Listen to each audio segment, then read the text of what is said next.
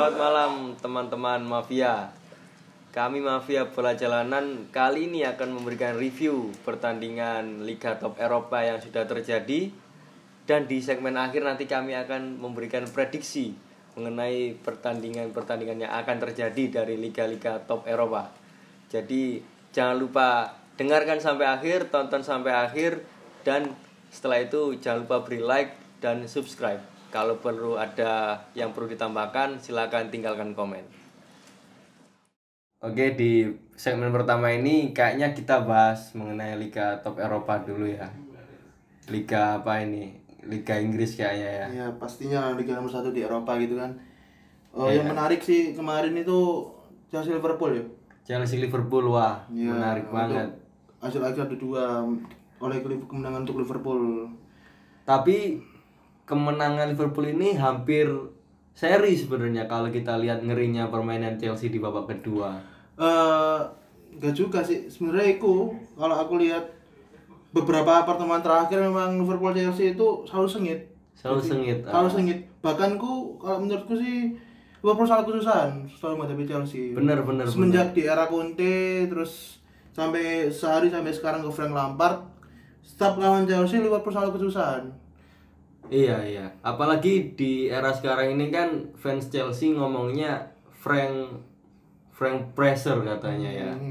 Jadi dia ngepres dengan uh, defense line tinggi, bertahan sejak musuh di daerah pertahanannya udah di press dan itu yang menyulitkan Liverpool. Akhirnya kalau kemarin lihat itu di babak kedua Liverpool dipaksa buat main long ball kalau Um, enggak juga sih. Kalau menurutku sih emang Liverpool ini kan trionya terkenal dengan efektivitas tinggi ya. Jadi nah, benar-benar. jadi- Untungnya ketolong sama trio ini. ya, kalau kita lihat memang Liverpool setiap pertandingan itu kan shoot on targetnya kan memang minim. Jadi efektivitas tinggi gitu. Ya, ini kalau aku lihat sih ini pertandingan kayak junior lawan senior gitu. loh. Oh, iya. Kalau kau udah tak udah paham misalnya gimana cara jindakan pelatih Iya, sosok idealis masih baru gitu Lampard kan. yang mau sosok terjun. menyerang gitu kan ya. Lampard yang mau terjun ke Klub udah dunia paham lah gimana cara ngatasi pelatih yang ke dunia baru-baru pressing dan segala macam ya. Kalau sebenarnya kalau dilihat fasenya ini Chelsea lagi di fase Liverpool awal-awal. Di mana di situ serangannya lagi eh, kuat-kuatnya, defense defensive line-nya tinggi, pressingnya tinggi. Tapi mereka ini susah nyetak gol, menang di statistik tapi kebobolannya lumayan banyak, menang banyak tapi kebobolan juga banyak. Sepertinya itu yang harus dibenahi dari seorang Frank Lampard ya. Kalau aku lihat sih, aku sih emang lagi-lagi permasalahan Chelsea ini kan ya hampir sama kayak Liverpool awal-awal sebelum Klopp Nah. kan. Memang back dari lini pertahanan dari sisi back tengah yang kurang dari Christensen sama Zouma lah juga nggak Klopp terus dari segi nah, Tomori juga nggak mantap juga Rudiger juga masih cedera gitu kan. Tapi kalau bicara lini Chelsea memang menarik terutama tentang Mason Mount. Kalau aku pendapat sih Mason Mount tuh harusnya tahu di nomor 10. Nah, aku kemarin lihatku Kovacic nggak guna gitu. Kovacic nggak guna harusnya Kovacic tarik aja sih. Mason Mount yang Emang? main di nomor 10 kita di sisi kiri itu kan masih minimal itulah si polisi. Nah, Tapi gini, eh, kalau dilihat yang dimainkan Chelsea, mereka nggak pakai playmaker emang, nggak pakai nomor 10.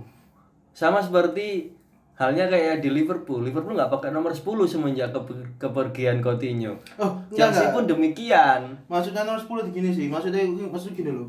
Mason Mount itu kan aslinya kan mainnya kan eh pengen bebas gitu loh. Kayak kon lihat mainnya kayak Oke. mainnya si eh Coutinho gitu loh. Free roll. Havertz harusnya kalau aku sih mending mending line up ya kalau menurutku sih mending Abraham eh, terus pivotnya Jorginho sama Kante terus belakangnya Abraham itu mau di tengah sub kirinya William dan sub kanannya tetap Pedro Ah, secara juga enggak apa ya Pedro kan pemain yang paling senior menurut kalau di sisi di lini serang sekarang Setuju sih mending yang main Pedro daripada William.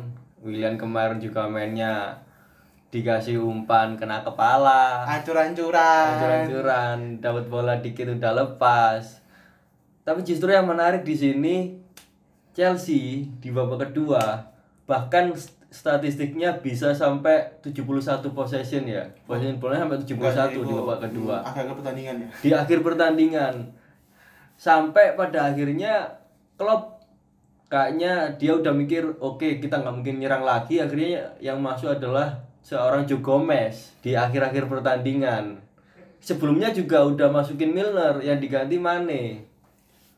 Tapi itu sih kalau aku lihat sih memang taktik ini kan udah dilakuin Jurgen Klopp sejak pertengahan musim lalu ya. Jadi semenjak kalau kita lihat ke- kenapa Liverpool gagal juara musim lalu kan Jurgen Klopp mengubah formasinya dari 4-3-3 menjadi 4-2-3-1 dengan memaksakan Nabi Keita masuk ke line up gitu kan ya Ah, dan memaksakan Salah jadi target man. Memang kalau menit 60 ke atas Liverpool di musim, setengah pertengahan musim lalu kan selalu bermain long ball. Lebih ke sangat-sangat direct 60 ke atas. Ini kemarin ini kemarin strategi yang sama diterapkan ketika lawan Chelsea juga menit 70-an ke atas. Jadi kenapa dari segi possession dan juga dari segi eh kreativitas Liverpool sangat kalah dari Chelsea. Oke oke. Ya well done lah ya buat Chelsea. Mainnya udah kayak gitu. Emang Frank Lampard ini harus dipertahankan. Cuman kalau dilihat dari eh, petinggi-petinggi Chelsea yang notabene punya karakter untuk pengennya yang instan. Conte datang dia harus juara. Setelah dia juara kemudian dia gak juara dia out. Kemudian Sari juga kayak gitu walaupun sebenarnya Sari out juga ada alasan lain mengenai tidak bisa beli pemain segala macam tapi dari pelatih pelatih sebelumnya mulai Jose Mourinho kemudian eh, setelah Chelsea juara Liga Champions pun Di Matteo juga dipecat Nah, melihat tren yang seperti ini dengan permainan Frank yang semakin membaik dan menemukan fil- filosofi yang sepertinya cocok buat Chelsea, ini kira-kira dipecat nggak si Frank ini ya? Kalau aku kalau menurutku sih memang eh, Lampard ini juga korban ini ya, korban karena embargonya Chelsea ya. Jadi memang dari sisi memang dari awal-awal musim kan udah tahu kan sebenarnya kalau Hazard ini mau pergi, mau musim terakhirnya bersama Chelsea. Terus Oh masih ada Hazard semalam, Iya. William Hazard. William Hazard Oh, bukan ya, bukan ya. nomor-nomor 10 time mainnya kayak ini nggak jelas ya kan. Banyak kayak ini Bayu Aji. Loh ya, siapa kayak sih? Tapi memang si ini sih, si Lampard ini ya pasti kalau aku jadi pelatih kalau menurutku si pelatih besar juga pasti mikir dua kali gitu nggak ngambil Chelsea ini kan kayak perjudian gitu loh kalau aku ngelatih Chelsea di sisi lain aku nggak bisa transfer pemain nggak bisa bentuk pemain nggak bisa bentuk tim sesuai karakter yang aku minta. Dengan me- memanfaatkan pemain yang ada ya itu termasuk bisa mencoreng CV pelatih gitu loh. Tapi mungkin jadi dari mending mending mending Lampard tuh yang benar karena ya mungkin jiwa-jiwa legendnya Lampard masih Nah, itu makanya itu mungkin karena gini, ada faktor lain seperti halnya yang dilakukan oleh karena walaupun ada pertimbangan teknis seperti itu di dalam hati kecil oleh dan sekarang Frank dia ada keinginan buat timku ini butuh bantuan jadi aku harus nolong. Ada keinginan seperti itu. Mungkin Frank juga kayak gitu. selanjutnya kita akan bahas MU nih MU setelah tadi Chelsea Liverpool yang cukup seru kita bahas MU yang nampaknya tersungkur di kandang West Ham 2-0 kan lihat nggak sih kemarin MU lawan West Ham? Lihat lihat lihat. Gimana menurut menurut permainan MU permainan MU MU seperti biasanya dia main statis main pakai sayap pakai Rashford jadi striker. Awal-awal ya seperti biasa seperti yang pada umumnya serangan lewat kanan lewat kiri beberapa kali terobosan minim kombinasi segitiga ya cuman kayak gitu. Apalagi ketika Rashford cedera diganti Lingard nah itu kelihatan banget kalau MU kehilangan eh, pembeda. Lingard belum bisa jadi pembeda di sini menggantikan Rashford. Tapi eh, memang kalau dilihat dari penampilan MU dari beberapa match terakhir ya kan memang efek dari Wan Bisaka sama si Mhm. Harry Maguire belum bisa mengangkat MU ya. Jadi kayak aku melihat antara penampilan MU yang musim ini sama musim lalu gak ada bedanya gitu loh Ha-ha. Walaupun di awal sempat on fire mengajar Chelsea 4-0, Wan Bisaka yang katanya sangat bermain dengan sangat bagus, Maguire juga. Tapi setelah pertandingan, pertandingan itu, MU semakin menurun. Terlepas dari MU yang menurun, sebenarnya kita juga nggak bisa melupakan faktor membaiknya performa West Ham di tangan Pellegrini. eh BTW emang kalau kita lihat sih di starting lineup-nya si West Ham Yarmolenko ini kan pemain yang baru dibeli dari Dortmund ya musim lalu kan. Ah, dia aja udah nyetak dua gol. Gacor ya, Dia- gacor golnya udah sama kayak gol yang musim lalu soalnya musim lalu dia kan cedera panjang kan. Ya bisalah si West Ham ini merusak enam besar merepotkan lah bukan besar merepotkan kalau ada penemuan melalui malah ini besar. akan sangat menyulitkan Arsenal dan MU untuk memperebutkan zona Liga Eropa. ya selama Bisa, mereka nggak konsisten bisa lah si West Ham Ah, Ma- itu merepotkan MU dan Arsenal lah ya Arsenal yang masih apa belum stabil. MU juga seperti itu bisa lah direpotkan sama West Ham.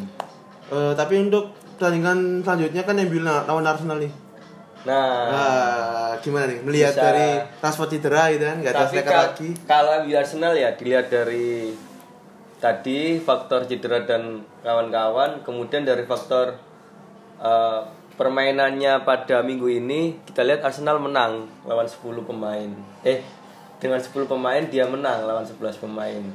Dengan fighting spirit yang gila dia bisa menang.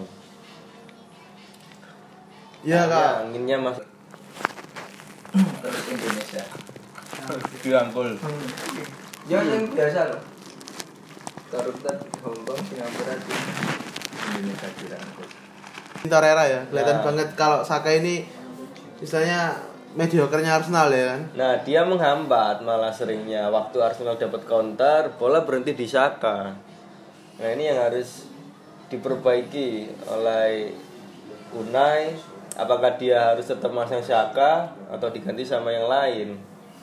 Eh, itu sih kalau aku lihat sih Saka ini kan pemain yang sering salah umpan, terus melakukan pelanggaran gak penting kan. Bener bener. Terus dia ini suka nahan bola dan lain-lain Ku yang saya kira si Unai Emery harus mencoba mengistirahatkan Saka kan. Kalau aku lihat sih lebih baik benar ketika Arsenal lawan MU ya kan di ne- di week selanjutnya lebih baik dengan kalian bertahan Gudonzi ya kan. Terus pakai dua IMF yaitu pakai Sebalo sama Ozil.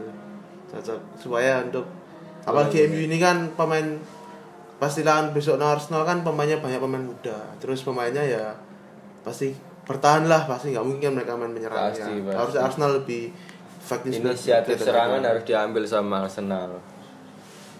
Melihat Nicolas Pepe yang kenceng gitu larinya, Bobby yang juga kita nggak bisa ragu, ragukan lagi ketajamannya sama Dani Ceballos yang baru didatangkan yang ternyata langsung nyetel sama permainan Arsenal. Bahkan kemungkinan jika Unai lebih memilih Ceballos, Ozil siap siap dijual kabarnya. ya Prospek Ceballos. Belum bisa juga ya dikatain harus dijual dijual. Soalnya juga Ozil ini kan pemain dengan gaji tertinggi di Arsenal gitu kan. Eh, kalau mau jual Ozil harus pikir-pikir orang juga karena Ozil kan juga salah satu pemain penting di Arsenal juga walaupun memang pemainnya sangat mainnya sangat inkonsisten gitu kan. Benar-benar. Tapi ngomong-ngomong soal kemenangan ada yang menang besar juga di minggu ini yaitu Manchester City. Sang juara bertahan. Sang juara bertahan yang bahkan sampai 8-0 menangnya. Dan ada gol unik juga dari Bernardo Silva yang dia nyundul bola. Wah aku gak lihat itu sih. bolanya Messi- sangat datar waktu corner. Man City Watford gimana menurut pertandingannya? Aku nggak seberapa lihat sih. Aku cuma lihat berapa menit terus wah ras udah menang eh 5 menit. 20 menit berapa? Gol 4 gol ya 20 menit? 20 menit udah 4 gol. Lihat sih cuman langsung tak matiin lah gak lihat. Kalau ditanya City mainnya gimana ya seperti biasa yang sangat mendominasi dari mulai tengah, dari mulai uh, Watford bertahan dia udah ngepres nggak diberi kesempatan buat megang bola. Kemudian eh, bola diagonalnya juga sangat bagus seperti biasa sangat stabil ya dari sekolah udah tergambarkan lah betapa mendominasinya City semuanya bermain bagus Eh, tapi overall menurutmu siapa nih juara kalau kandidat juara terkuatnya tetap Liverpool Man City nih Kalau ngomong juara, kalau Liga Inggris dan semua liga sebenarnya bukan ngomong siapa yang terkuat. hmm. Kalau liga ini adalah siapa yang paling konsisten. oh Benar terus nggak? Sebaik apa pun waktu itu Liverpoolnya Suarez main dengan men- mendominasi, skornya gila-gilaan, tapi baik lagi kalau nggak stabil, bahkan di akhir sempat kepleset dan akhirnya nggak juara. Begitupun Liverpool musim lalu sempat di atas City dari banyak poin, tapi di akhir juga nggak juara karena nggak konsisten. oh iya sih memang soal Liverpool musim lalu kan eh, mereka udah klub dengan 4-3-3 tiba-tiba dengan musim ganti formasi dengan 4-3-3-1 Nah. kan masukkan Nabi Keita sebagai playmaker sebagai sebagai nomor 8 di situ kan itu yang dengan memaksakan salah sebagai target man ya itu yang buat pemain Liverpool kayak harus Kurang lepas. harus beradaptasi lagi gitu loh jadi susah Dan juga kurang lepas sepertinya kalau Liverpool coba main dengan playmaker. Sempat dicoba juga setiap kali nyerang bola harus lewat Firmino. Itu juga nggak efektif. Oke, Liga Inggris dengan segala hiruk pikuknya kita move ke Liga Spanyol nih. Ada yang habis dipantai kemarin. ya Siapa lagi kalau bukan decul decul Barcelona Skuad Valverde lagi-lagi dibantai oke lo lihat nggak kemarin waktu lawan Barca lawan Granada Enggak, kebetulan enggak ngelihat kemarin kalau Barca Ya aku lihat sih, sih aku melihat ini bahkan Barcelona pun butuh sampai menit 80 untuk bisa ngesut on target. Hmm, Bahkan kalau kita lihat susunan line up-nya aja Messi itu baru masuk babak kedua. Babak pertama mereka ngandelin main Perez ya yang main ya Iya, yang pemain usianya 16 tahun ini kan. Karena mungkin Valverde mikirnya lawan apa? Lawan Granada juga nggak terlalu ini. Toh masih ada Griezmann Suarez Rakitic Frankie dan nama-nama keren lainnya. Cuman ternyata kan nggak cukup. Ternyata Barca masih membutuhkan Messi. Eh, kalau aku sih, kalau menurutku juga eh, memang Valverde ini pelin-pelan ya, nggak belum bisa menemukan menemukan form, formasi yang tepat untuk lini tengahnya gitu loh. Kan kak, aku aku lihat sih waktu Barca lawan Valencia kemarin yang mereka menang 5-2 kalau nggak salah, itu mereka main pakai Busquets sebagai DM, terus Frankie De Jong sebagai box to box, terus si Arthur Melo sebagai center Nah. midfield ya. anehnya di sini kenapa Frankie jadi DM ya Nah itu waktu waktu lawan Valencia itu bener-bener kelihatan bahkan kalau Barca ya memang Barca gitu loh yang bener-bener main atraktif terus yang mainnya sangat menghibur dan sangat sangat membahayakan di situ ya ini waktu lawan Granada tiba-tiba Frankie De Jong ini dirubah jadi DM gitu. Hmm, jadi malah box to boxnya si Sergio Roberto ya. ya aku juga dari dulu emang gak suka Roberto sih itu pemain cuma bisa lari doang. Iya iya. Akhirnya mereka dibantai. Kalau rivalnya gimana nih? Real Madrid gimana? Kak eh menang ya Real Madrid. Tapi tipis kayak satu kosong ya. Ya Real Madrid begitulah. Pem- pema- timnya selalu mengandalkan skill pemain. Nggak pernah ada strategi yang Hmm. spesial gitu kan dari Zidane. Tapi Zidane dari dulu kan emang kayak gitu. Dia mengandalkan skill pemain tahu kapasitas pemainnya seperti apa tahu kapan dia menyerang total kapan dia bertahan. Makanya mungkin ya dengan Real Madrid ini dia bisa survive kan? Ya kalau aku sih prediksi juga mungkin pertengahan musim ya, si Zidane Ciao ya, dipecat mungkin. Oh ciao adios. Mungkin dipecat. Oke. apalagi kalau lihat Madrid performanya waktu lawan PSG suka kemarin pun Hmm, di ayam-ayam ya. sangat di Miami oleh Pemain sekelas Cross, Kam- Hames, dan Casemiro kalah sama si Gueye kan? Kalah sama gue ya. Tapi Gue Verratti, Verratti jago, sama ya. Marquinhos. Tapi Verratti emang jago Verratti. Memang Real Madrid sih setelah kelihatan banget kelihatan Ronaldo ya. Nggak ada bener-bener pemainnya punya faktor X sih kan. Ronaldo kan bola bola apa pun jadi gol gitu kan istilahnya. Kalau di Real Madrid sekarang masih menyesuaikan siapa yang pemain jadi next Ronaldo. Tapi untung masih di peringkat dua ya Madrid ya. ya kayak juga di sisi lain juga banyak tim besar Spanyol yang inkonsisten ya. Hmm. kita lihat kemarin waktu ATM aja di tiga match terakhir di UCL mereka draw lawan Juventus. Terus kemarin juga waktu si ATM lawan Celta di kan di Wanda Metropolitano juga 0-0 kemarin juga waktu dia lawan apa itu dia juga kalah kan waktu lawan Sociedad kalau nggak salah kandang Sociedad kalah dan mereka sekarang dapat di kandang sendiri lagi draw lawan Celta Di gitu main di Wanda ya kalau Di Wanda. seri ya. Hmm. Padahal kesempatan bagus ya kalau Real Madrid lagi turun, Barca lagi turun, ATM bisa naik. tapi sekarang yang lagi yang aneh satu peringkat satunya cuma Bilbao. Bilbao. Ya, memang Kita lihatlah nanti apakah akan Madrid pada waktunya atau Barca akan bangkit.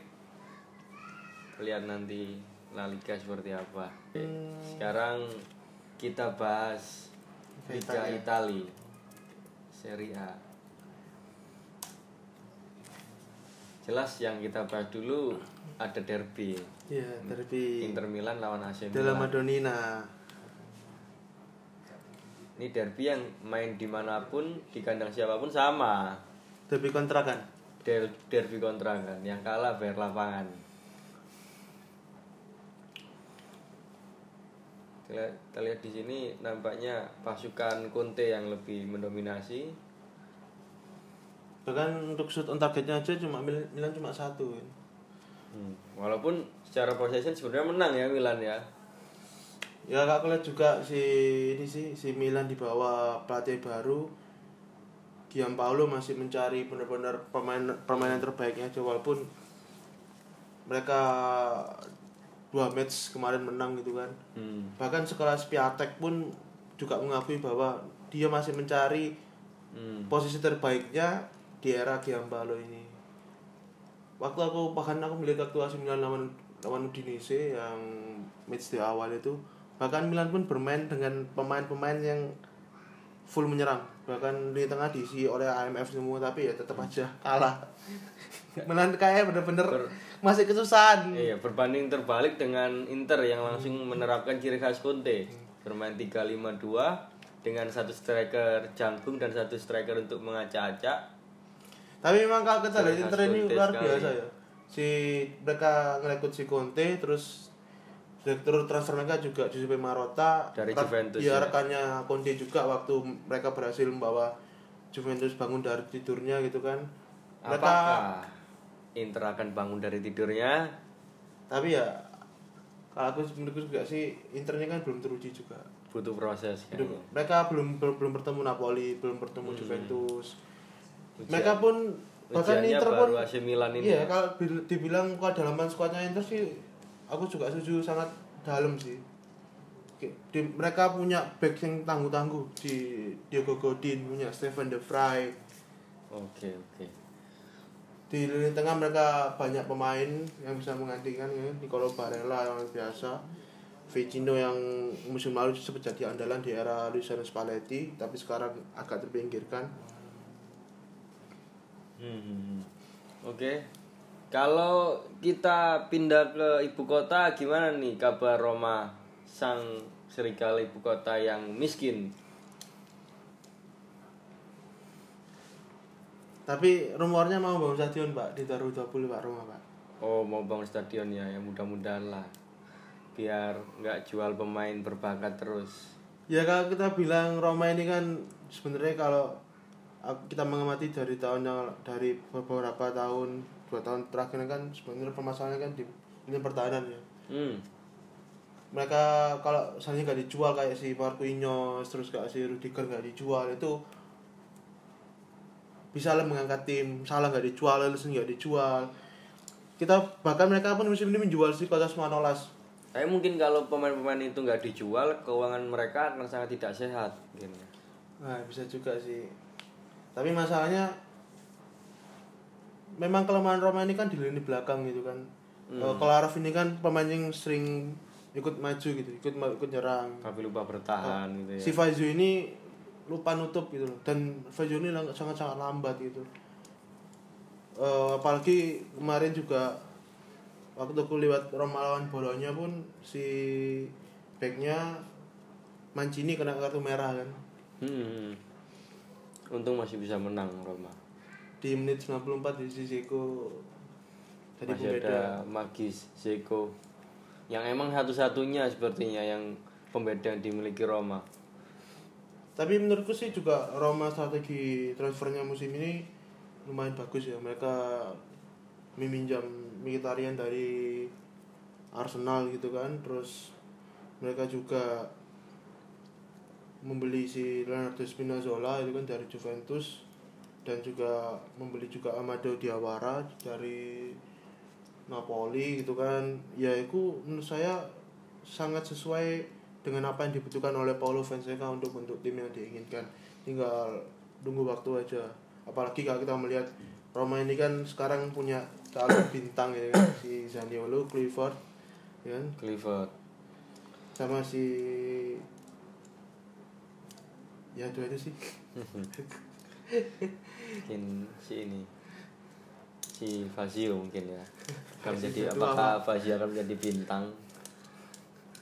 Cristante mungkin nanti Cristante kita kita nanti. Apakah sanggup mem- mengangkat lini tengah Roma? Kalau gitu kita pindah ke Juventus belum lengkap. Kalau kita bahas Serie A tanpa kita bahas Juventus. Liganya Juventus yang nampaknya menang lagi ini Juventus ada yang menarik di waktu Juventus lawan Brescia nih aku lihat. Si kan si oh Brescia ya Verona. Ya si Verona. Chievo Verona. Si ini kan dia Verona kan dapat penalti terus ditendang kena kena, kena mistar kan. Ditambahin lagi kena lagi. kena tiang baru si tambahin tiga lagi Miguel Veloso dari luar kotak penalti jadi gol. Jadi awalnya yang gol hoki karena penalti jadi gol bagus ya. Ya menarik lagi juga si Ramsey ya cetak gol Ramsey cetak gol dan gol satunya seperti biasa Cristiano Ronaldo lah titik putih.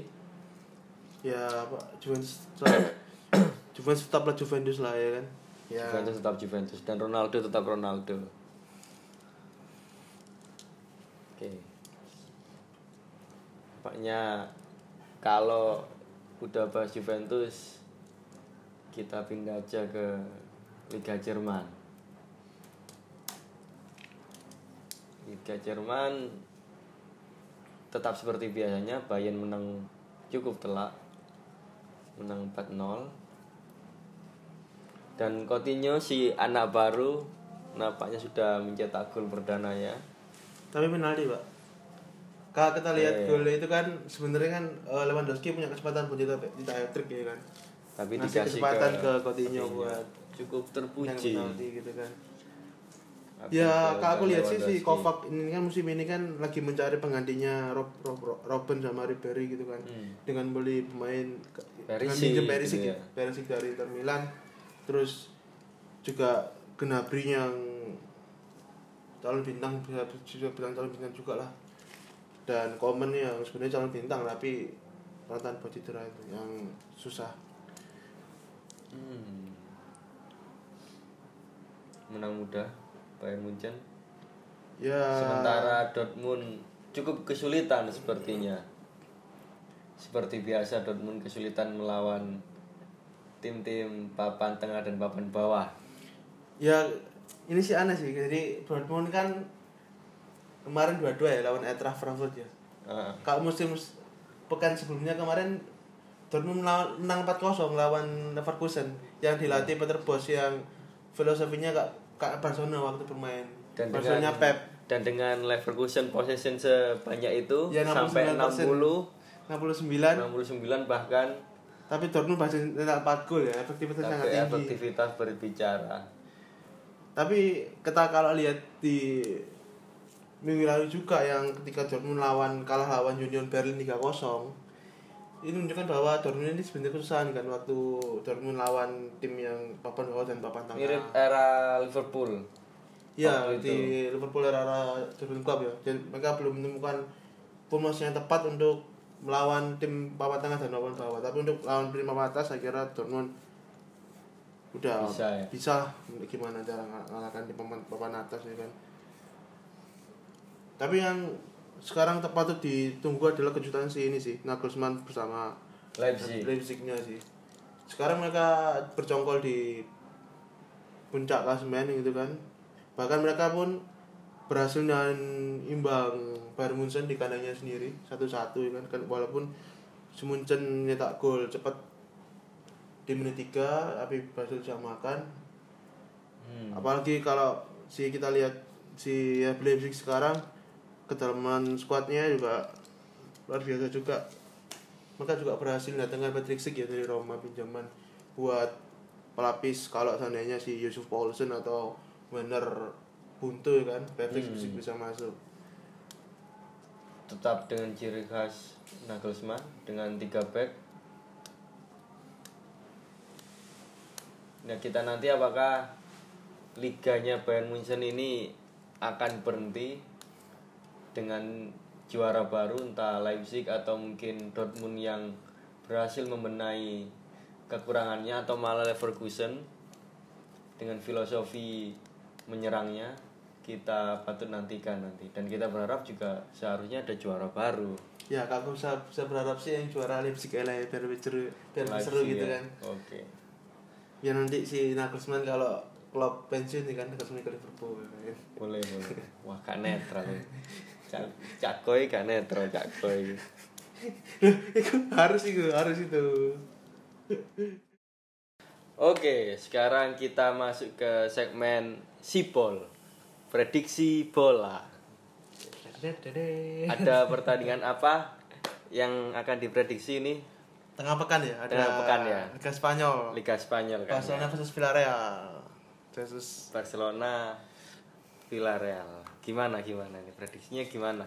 ya kalau aku prediksi sih Barca ini kan di dua pertandingan terakhir ya kan lawan lawan si Dortmund 0-0 di Piala Dunia terus Madrid kalah 2-0 itu kan. Apalagi mereka ini main di kandangnya sendiri di New Camp yang terkenal angker gitu kan. Bahkan tim sekelas Liverpool aja dibantai 3-0 ya Barca bisa lah ini minimal dua bola lah Kok iso iku minimal dua bola? Kok bisa minimal dua bola menang? Padahal kan sebelumnya itu dua pertandingan kan kalah dia. ya Dortmund sama la- lawan apa di Granada. Liga Granada juga kalah. Ya kalau kita lihat di head head terakhir itu kan Barca main di kandangnya Villarreal 4 sama di La Liga terus main di Camp Nou menang 2-0. Di mu- dua musim terakhir juga Barca selalu pesta pesta gol ya di Camp Nou 2-0, 5-1 dan 4-1. Apalagi untuk sekarang yang sudah di cap Barca ngefur satu setengah satu setengah kan Oh, ya satu setengah setengah ya saya berani lah Barca dua bola Barca dua bola. Gimana Mas Alif? Gimana? Bang? Alif gimana Bang Alif? Kalau kalau saya lebih ke Villarreal ya, soalnya ini di sini pertemuan terakhirnya Barca sama Villarreal itu empat sama di kandang Barca dan ini dari lima pertandingan terakhir Villarreal lagi on fire on fire-nya nih Villarreal. Di tanggal 2 kemarin dia menang imbang Real Madrid. Terus nahan imbang Granada juga dengan skor yang sangat telak empat sama dengan banyak gol di situ. Jadi untuk fur yang dipakai satu setengah Barca Barca menang tapi tipis sampai cuma ya? cuma satu bola. Nggak sampai satu bola ya. Nggak sampai. Berarti- Bahkan mungkin imbang, mungkin imbang lawan Ini Barca. berarti terlalu beresiko fur satu setengah ini ya. Terlalu beresiko fur satu setengah. Jadi eh, kalau saya sih lebih ke Villarreal sih. Duh, enggak, enggak, enggak Mas Alif, enggak Mas Alif. Gini Mas Alif. Barca ini kan lagi itu, lagi lagi di tekanan enggak? Penuh, penuh, penuh tekanan gitu kan, tekanan untuk menang gitu kan ya. Apalagi ini main di New Camp, di depan gedungnya sendiri. Udah beberapa laga nggak menang apalagi mereka sekarang lagi terstart terburuk mereka dalam 25 tahun terakhir mereka cuma dapat 7 poin dari 5 laga ya kan Iya, iya. ya menang dua bola lah aku dari aku dua bola gak mungkin gak mungkin di bawah dua bola Loh, tapi ini Villarreal masih ada Santi Cazorla loh. Santi Cazorla lagi on fire on fire juga nih dia. Wah dia bermain hebat sekali pas di empat pertandingan terakhir melawan Granada, Levante sama Madrid kemarin. Mungkin dia Oh, iya. akan mengeluarkan tajinya lagi lawan Santi Barcelona. Butuh pembuktian ini ya. Waduh, iya. Untuk satu setengah terlalu berat sih buat Barcelona. Ya tetap menang lah, tapi Tetap menang paling tapi satu cuma bola. satu bola lah. Oke. Jadi kalau mau kalau mau kita apa lihat dari Fur mending ambil Villarreal. Oke. Ambil bawah, ambil bawah. Jadi menangnya nggak lebih dari satu bola sih. Menang Bahkan mungkin draw. Oke, Anta kalau Cak Kolil yakin dua bola menang Barcelona, sementara dari Bang Alip Draw, draw. draw atau paling nggak satu, bola Barca menang. Apakah yang akan terjadi nanti ya? Kita lihat. Sekarang kita pindah ke pertandingan berikutnya ada apa ini? Eh, kayak sing seru iki sing seru iki Eh, Madrid Osasuna ya Madrid Osasuna Madrid, Madrid, Osasuna. Nah, gimana nih? Real Madrid kemarin habis menang walaupun dengan susah payah menang 1-0.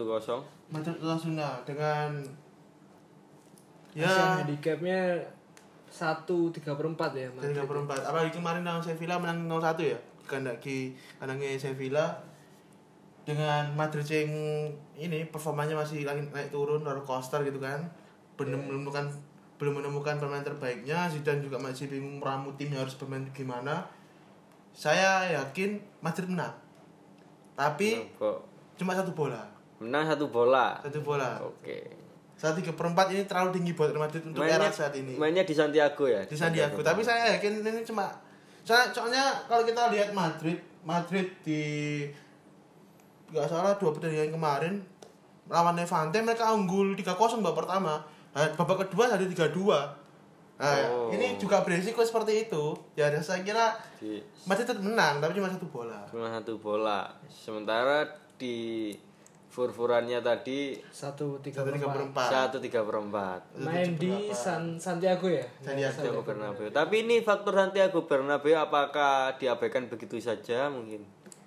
Oh, kalau kalau dari saya sendiri sih eh, Osasuna di pertandingan terakhir dia juga menang dan Madrid Madrid masih ya benar yang dikatakan Cakol Madrid masih gonjang-ganjing dengan strategi yang dipakai Zidane saat ini. Oke. Jadi untuk pertandingan ini Madrid Osasuna ini rame juga Osasuna juga dia habis seri empat kali beruntun dia juga butuh imbang lah paling tidak untuk menang, mengangkat poin yang dia punya untuk saat ini. Hmm. Di P Cak Dewe sama sama ini sama. Kali ini sama ya. kali ini Sama-sama. Kali ini sama Salah ya. Marcel, Menang, Madrid menang cuma Madrid menang cuma satu bola, satu bola. Aku satu bola. Menang tipis ya. Di kandang soalnya Madrid. Osasuna juga lagi buruk-buruknya ini. Oke oke. Oke, kita lanjut sepertinya ada Ini nih pertandingan Valencia ini kayaknya. derby kelawar, derby kelawar. Derby kelelawar. Valencia Getafe, Valencia Getafe. Valencia Getafe. Oke oke oke. Valencia Getafe tiga perempat nih gimana nih gimana? Tiga perempat untuk Asian handicapnya. Untuk Valencia yang di atas. Valencia yang di atas tiga perempat. Terus untuk standingnya yang Valencia lebih unggul ya. Valencia Valencia di peringkat di peringkat 12 dan Getafe oh lebih tinggi oh mereka 11 12 ya peringkatnya ya Getafe Valencia Mirip-mirip sebenarnya. mirip-mirip tapi di pertandingan terakhir Getafe kalah ini ya Hmm. dan Dan Valencia Valencia di pertandingan terakhir draw draw draw dia oh draw dia ya. Ya kalau aku lihat sih memang Valencia ini kan inkonsisten. Dia di UCL kemarin menang lawan Chelsea di kandang Iya, Stamford Bridge gitu iya. kan ya. Di pertandingan terakhir kemarin di Liga Liga Spanyol selalu kalah apa? Dia draw satu-satu di kandangnya sendiri. Iya. Dengan full tiga perempat ini terlalu terlalu ini terlalu riskan buat megang Valencia. Saya kira ini lebih baik megang ini aja sih kita saya prediksi ini draw. Tapi saya lebih condong megang Getafe aja. Draw ini pertandingan. Draw ya. Kalau saya sih lebih ke Valencia ya. Untuk sta- statistik susunan pemainnya, Valencia mungkin dalam line up yang lengkap. Jadi untuk membawa beban di kandang dengan Valencia yang untuk mengejar Getafe di peringkat tepat di atasnya, mungkin bisalah Valencia untuk menang. Untuk Asian Handicap 3 per 4, katakanlah kalau megang Valencia menang 1-0 masih menang lah. Masih bisa menang lah. Boleh ya, Oh, Valencia boleh, ini ya. masih bisa. Karena main di kandang juga. Jangan di lupa kandang. faktor Faktor supporter kandang juga Iya. sangat menentukan. Pemain Jadi kita berbeda nih ya waktu Beda. saya prediksi Oke. draw, kalau anda prediksi Menang Valencia Menang. Valencia. Menang Valencia. Oke, Oke, menang. Valencia sama draw. Terus next next next Wah, favorit itu Atletico Madrid. Ada Atletico Madrid yang bertamu ke markas dari Mallorca. Mallorca. Mallorca dengan berapa ini? Berbalik 3 per 4. Iya, Tiga Jadi perempat untuk- Atletico Dan Atletico ini juga sepertinya masih kebingungan dalam menentukan skema terbaiknya ya. Iya. Gimana nih prediksinya nih? kalau dari aku sih Valencia Atletico ini kan 3 match beruntun nggak menang malah lawan Sociedad kalah 2-0 Iya. di UCL draw 2 sama lawan Juve Iya. terus juga 0 lawan Celta Vigo ya ini bisa jadi pertandingan balas dendam lah ya untuk Hmm. ATM Iya. ya minimal ATM bisa menang dua bola lah ini Oh dua bola Dua malah. bola, dua Ini bola. Bertamu loh ini. Iya tapi masalahnya Mallorca ini kan sekarang lagi ini lagi di, Di bawah peringkat peringkat papan 17 ya kan, iya. papan bawah peringkat bawah ya. 17. Walaupun kemarin menang tapi saya yakin ini pertandingan ini milik Atletico. Nah, ini milik Atletico. Oke. Dengan minimal dua bola. Dua bola. Dua bola. Iya, Minimal dua bola. Untuk Mallorca sendiri mungkin dia eh, lebih mengejar poin untuk menjaga ke zona degradasi ya palingnya. Dia mungkin dia lebih main all out di kandang sendiri, all attack di kandang sendiri. Soalnya kalau dia kalah lagi mungkin dia akan menggantikan Espanyol ini. Ke jurang degradasi. Jurang ya. degradasi. Dia jadi semangat Iya. menyelamatkan diri di kandang juga. Eh, mungkin dia lebih main barbar ntar dia di kandang untuk sama Atletico Madrid bisa lah kalau nahan imbang buat Atletico Madrid Oke, paling nggak imbang. paling ya. ketidak imbang Hmm. Jadi kita beda lagi nih jadi. beda lagi Beda lagi, Cak Kolil tadi menang minimal dua bola dari Bang Alif draw mungkin draw. Mallorca Oke oke oke.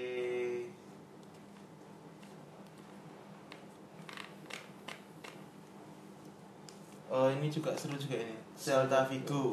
Espanyol Celta Vigo lawan Espanyol ini. Celta Vigo lawan Espanyol. Celta Vigo lawan Espanyol. Celta Vigo Espanyol main di Kandang kandangnya Celta Vigo. Celta Vigo ya, Espanyol akan bertamu.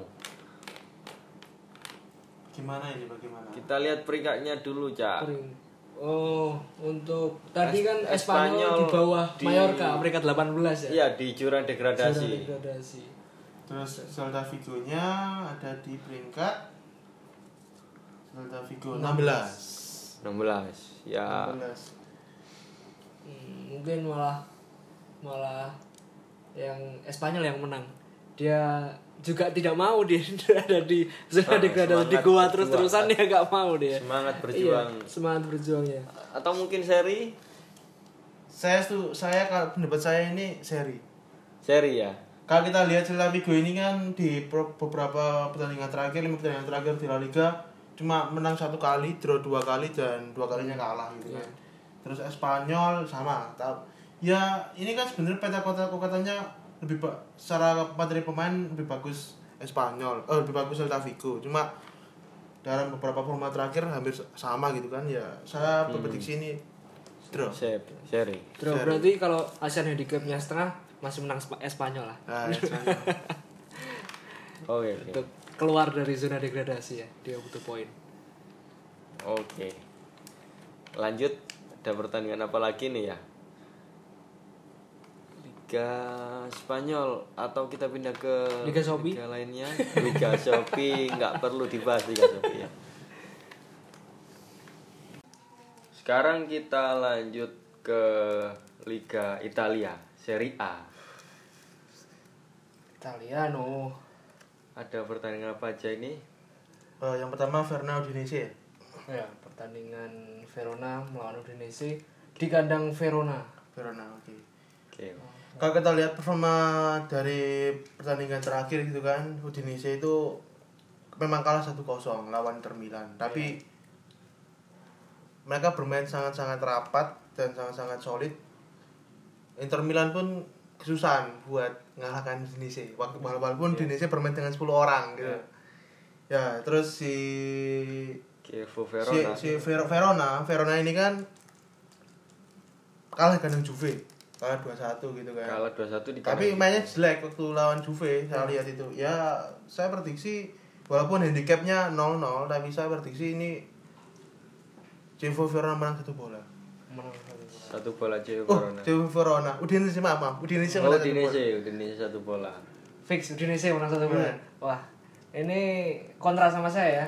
Kalau saya lebih ke si Verona soalnya ini si Verona main di kandang dan klasmen juga dia dua tiga tingkat di atas Udinese ya.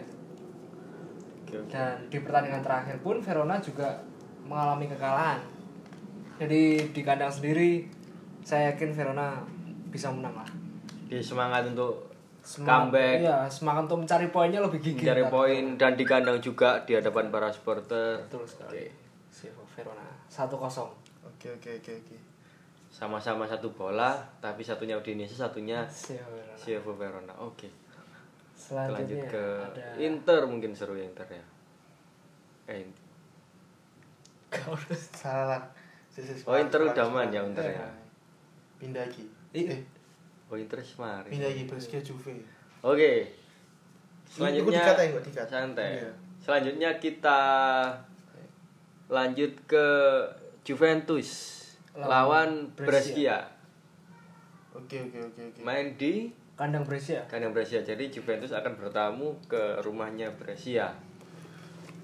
Di sini eh, per- eh, lima pertandingan terakhir Juventus mengalami nah, di Juventus dia menang, draw dan menang dua kali.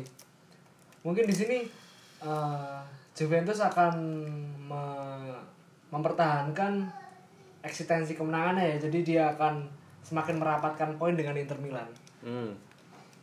menurut saya sih dengan ASEAN handicap Brescia Juventus Juventus for satu ke Brescia di kandang Brescia Bisa ya. bisa ini di ini mungkin Juventus sudah berani di ASEAN handicap memberi for satu mungkin di permainan para para orang-orang atas sana mungkin Juventus menang bahkan lebih dari tiga menurut saya Bisa jadi tiga bola ya. bisa jadi tiga bola atau lebih Oke. Juventus Oke. oke. Kalau saya justru kontra. Jadi ini. eh Juventus ini kan di tangan pelatih baru sih Mauricio Sarri gitu kan. Juga bahkan di beberapa pertandingan terakhir eh pertandingan kemarin waktu melawan Napoli mereka menang karena gol bunuh diri di menit akhir oleh Kalidou Koulibaly. Iya. Terus kemudian mereka juga draw lawan Fiorentina. ya 0 0 ya. Saya nggak apalagi juga saya setelah baca-baca berita terbaru tadi Ronaldo cedera. Ronaldo nggak bisa main Iya, lawan Brescia. Dengan populan satu saya kira Juventus tetap menang tetap menang. Tapi masalahnya Juve ini cuma menang satu bola Menang satu bola. menang satu bola Hmm. menang satu bola dengan satu saya kira ini kan impas kan gitu kan ya oh ya jadi dengan performa Juve yang masih mencari benar-benar terbaik di bawah Sari, saya kira ya menang tapi satu bola. Itu aja dari saya. Tapi jangan lupa Juve masih punya satu spesial di bala. Mungkin dia akan menunjukkan tajinya lagi nih. Bisa jadi. Gara-gara Ronaldo tidak Orang- main, mungkin Juve kembali ke strategi awal sebelum Ronaldo datang. Dybala akan naik Sebagai kunci ya. di bala ini. Bisa jadi sama-sama Juventus menang tapi satunya satu bola dan lawan tiga bola. Di sisi lain Brescia ini kan juga tim promosi kan di Serie A. Nah, benar. Jadi head to head yang di head to head Juventus Brescia tidak bisa diperhitungkan. Tapi di pertandingan dengan terakhir Juventus kalau selalu menang. Draw sekali melawan Fiorentina di Serie A pertandingan Dia tetap menang, tetap menang. tetap menang, satunya satu tiga bola, satunya satu bola. Cak Kolel satu bola. Satu bola. Oke. Saya over tiga bola. Tiga bola, Ya. menang terus Juventus cuma seri sekali. Ya. Kalau tanpa Ronaldo masih gas lah Juventus. Oke, kita lanjut ke pertandingan berikutnya. Ada AS Roma. Waduh. AS Roma yang akan menjamu Atalanta. Cukup menarik dua tim Italia yang lagi ini. Atalanta juga masuk Liga Champions kan? Iya. Iya. Jadi kalau saya lihat ini kan ya Atalanta ini kan eh pak lagi bagus-bagusnya di era Gambero Gasperini gitu kan. Bahkan kemarin juga finish di posisi empat besar maka masuk Liga Champions. Tapi kalau kita lihat di performa Atalanta kemarin mereka draw lawan lawan Florentino bahkan mereka harus tinggalan dua gol dulu mereka bisa menyamakan kedudukan di menit akhir itu kan ya di menit akhir. Dan juga kita lihat di pertandingan pertandingan lima pertandingan terakhir Atalanta ini kan juga baru menang dua kali gitu kan. Sisanya draw sama menang eh sisanya draw sama kalah. Dan Roma juga yang lagi inkonsisten tapi Roma itu gak pernah kalah. Hmm. dia menang nggak nggak pernah kalah tapi men- men- cuma menang dan draw. Dan juga main di Olimpico saya kira Roma menang satu bola Satu bola. iya Oke, satu bola untuk Kalau menurut saya eh, ini pertandingan AS Roma melawan Atlanta ini di kandang AS Roma tapi Asian Handicap yang diberikan cukup aneh. AS Roma hanya fur seperempat di kandang sendiri. Seperempat di kandang hanya sendiri. seperempat di kandang sendiri. Kadang di fur-fur aneh segini banyak orang yang megang AS Roma tapi malah Atlanta yang menang biasanya. Ya fur aneh. Karena Kalau mungkin aneh, seperempat. kalau mungkin anehnya AS Roma memberikan fur satu atau fur dua ke Atlanta, AS Roma bisa menang lebih dari empat malah. Hmm. Soalnya banyak orang yang pasti megang Atlanta. Di sini fur Atlanta AS Roma di kandang sendiri AS Roma hanya memberikan seperempat. Pasti mayoritas orang memberikan eh, permainannya ke AS Roma. Hanya selisih seperempat. Menurut saya ini Atlanta sangat bisa dijagokan untuk menahan imbang. Bahkan menang 1-2 bola dari AS Roma. Oke. kalau saya menanggapi tadi ya yang salib kenapa kok bisa seperempat kalau misalnya sih itu normal-normal aja soalnya Roma Sam dan Atalanta sekarang itu kan malah kita lihat dari performa terakhir musim kemarin Atalanta dia memang di atas Roma Ya tapi AS Roma eh, nggak pernah kalah di sini. Iya tapi tapi kalau kita musim terakhir di musim kemarin Atalanta ini di atas Roma gitu kan.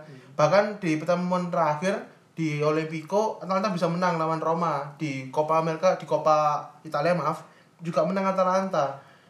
Ya sebenarnya saya wajar kasih fur seperempat gitu Roma ngefur tapi saya yakin Roma dengan Paulo Fonseca-nya sekarang dan beberapa kompetisi pemain muda Roma akan menang pertandingan kali ini.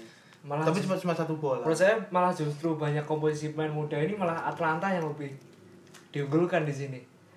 Satu dua bola lah boleh untuk Atlanta. Untuk Alan- Atalanta ya, satunya untuk Roma satu bola. Oke, cukup menegangkan karena cuma seperempat semua bisa Cuma se-Asian terjadi. Handicap cuma seperempat. Oke, Kita lanjut ke pertandingan berikutnya. Ada Inter Milan yang akan menjamu Lazio. Di sini si pemuncak klasmen Serie A Inter Milan bermain di kandang melawan Lazio. Wah, sangat sangat di atas kertas Inter Milan jauh di atas Lazio. Di sini Inter Milan empat kemenangan berturut-turut di Serie A dan Lazio mengalami satu kekalahan sebelum kemenangan yang terakhir kemarin Hmm. dengan ASEAN Handicap di angka setengah ya yang diberikan yang diberikan oleh Inter Milan Oh, Inter cuma setengah ya? cuma setengah Inter Milan memberikan ke Lazio Oke. di sini saya menjagokan Inter Milan sih Inter Milan ya. Inter Berapa bola? Eh, bisa Satu bola. tiga bola lah Oh, Ti- tiga, tiga, dua, bola, malah. dua bola, dua Tapi jangan dilupakan juga terakhir Inter Milan main di Liga Champions, dia kesusahan. Dia kesusahan dan baru mencetak gol penyama itu di detik-detik akhir. Pada lawannya ya klub antah berantah kan, Slavia Praha ya. Slavia Praha. Oh di sisi itu mungkin Inter Milan menyimpan pemain untuk derby di La Madonnina kan? Bisa jadi. Bisa jadi untuk Tapi- yang lebih gengsi di La Ah, Madonnina. tapi untuk tim sekelas Inter Milan kesusahan melawan Slav- Slavia Praha, apakah ada masalah di kedalaman atau seperti apa? Ya kalau saya lihat sih Inter lawan Lazio ini kan eh, Inter kan lagi masih start perform startnya sempurna ya empat pertandingan menang semua apalagi juga Inter ini kan lagi menikmati bulan madu yang bersama Conte Hmm. lagi istilahnya manis-manisnya bersama Conte memang Conte ini kan saya melihat dari track recordnya Conte melatih ini Conte itu memang spesialisnya di Liga Italia gitu loh. Oh. Memang mereka nggak punya pengalaman di Eropa, Iya, itu kan nggak di Eropa. Dan Lazio ini kan juga dari empat empat empat pertandingan terakhir dua kali menang, satu kali kalah dan satu kali draw. Dan Apalagi ini main di Giuseppe Meazza dan Inter yang mainnya sangat-sangat fighting spiritnya tinggi di di Giuseppe Meazza saya kira ya. Inter bisa menang dengan dua, dua bola. Oh, sama-sama Inter, sama-sama menang telak berarti ya. Menang telak. Oke, kali ini tidak ada perdebatan. Kali ini seragam. Kali ini seragam. Kita lanjut ke pertandingan berikutnya ada Napoli yang akan menjamu Cagliari. Oke.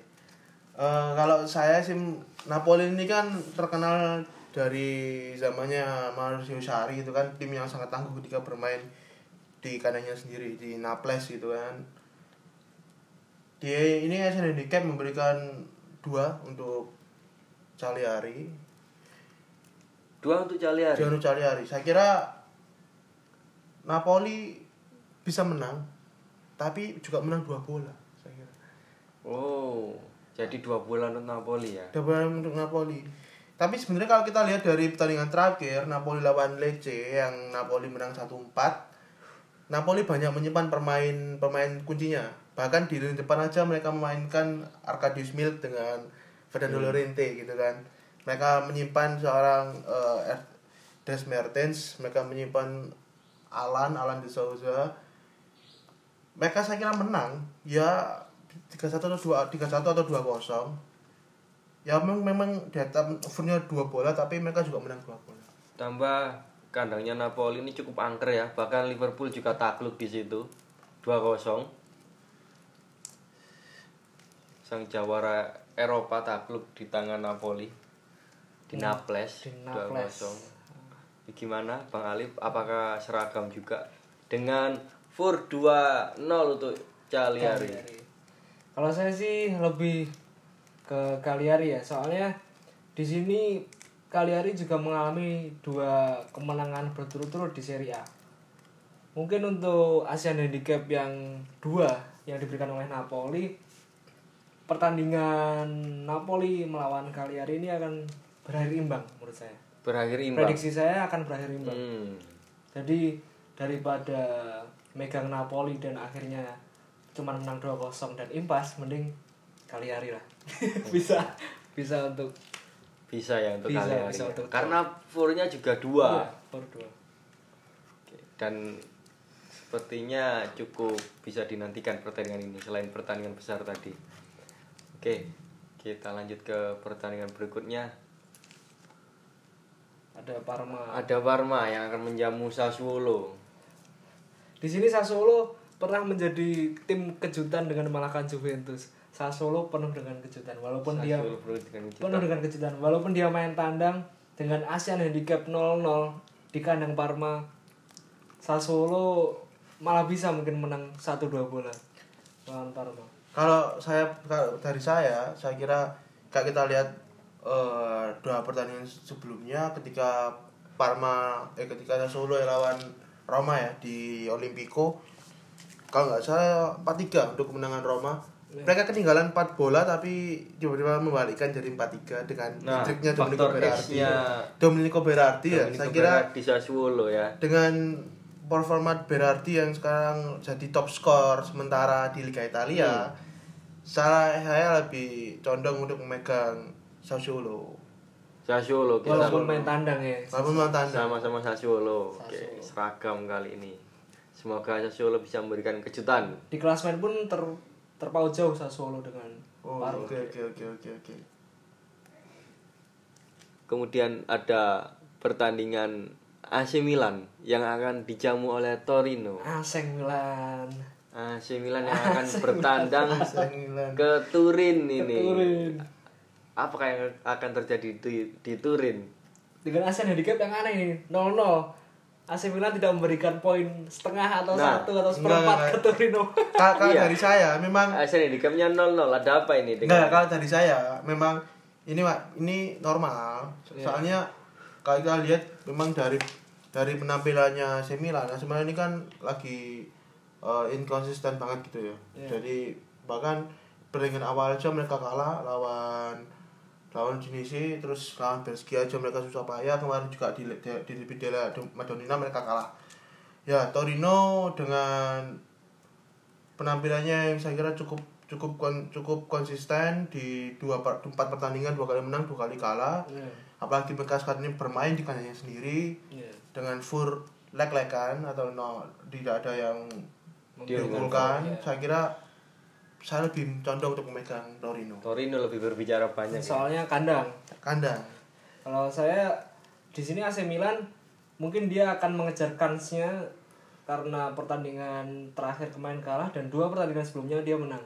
Dia meng bahkan saatnya menang lah untuk pertandingan melawan Torino pada ini pertandingan AC Milan Torino ini. juga saatnya untuk naik peringkat Naik peringkat dia dia butuh poin juga men- menjaga kansnya sebagai nama AC Milan ini. Ah, ah. jadi satu Torino satu AC Milan oke